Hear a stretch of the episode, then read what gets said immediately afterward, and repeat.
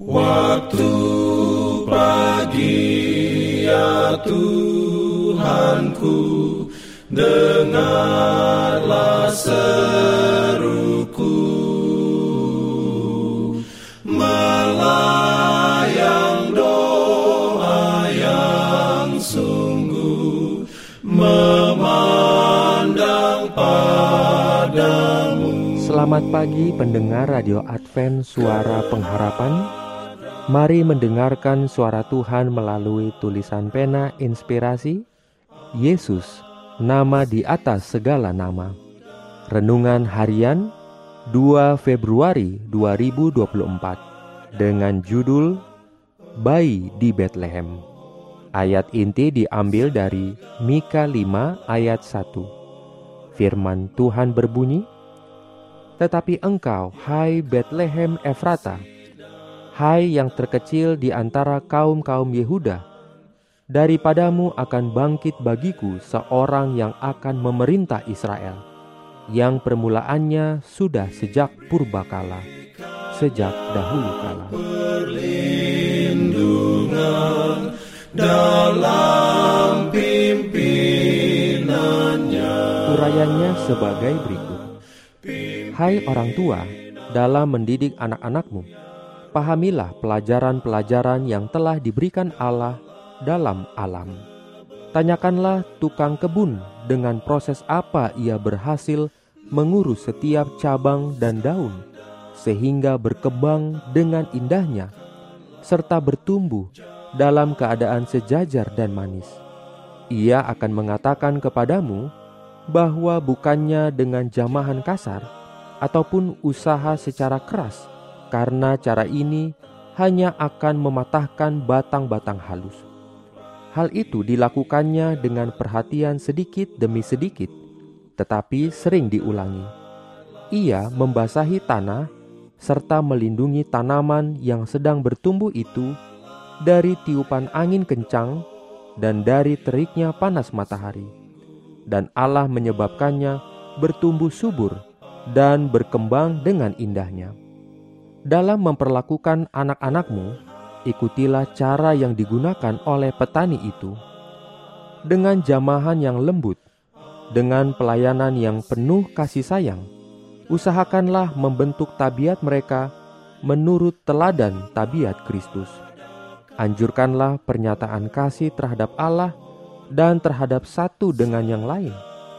Alasan mengapa begitu banyak pria dan wanita bersikap bengis di dunia ini ialah karena kasih yang sejati telah dianggap sebagai kelemahan dan telah dikecewakan dan ditahan.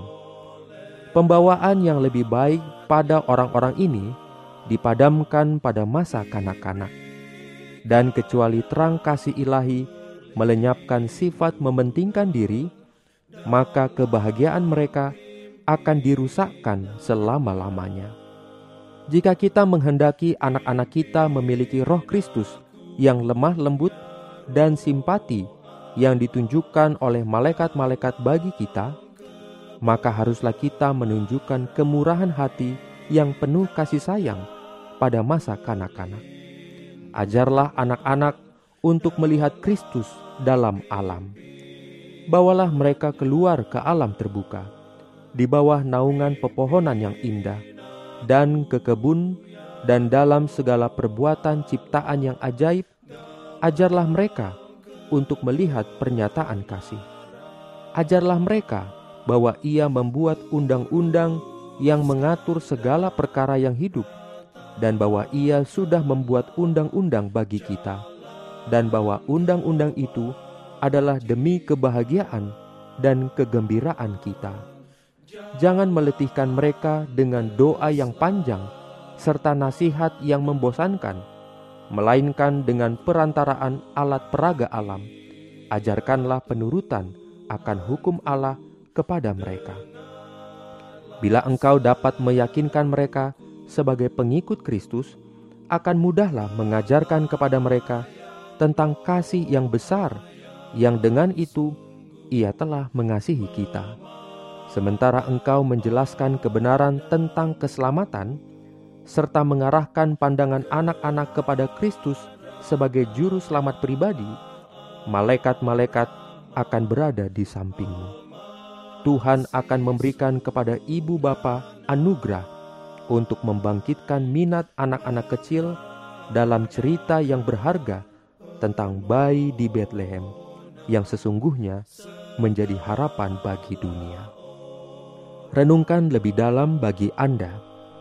Di dunia yang terkadang berhati dingin, bagaimana saya dapat membantu anak-anak dalam hidup saya untuk mengembangkan hati yang lembut dan penuh kasih terhadap Tuhan dan sesama, diberikannya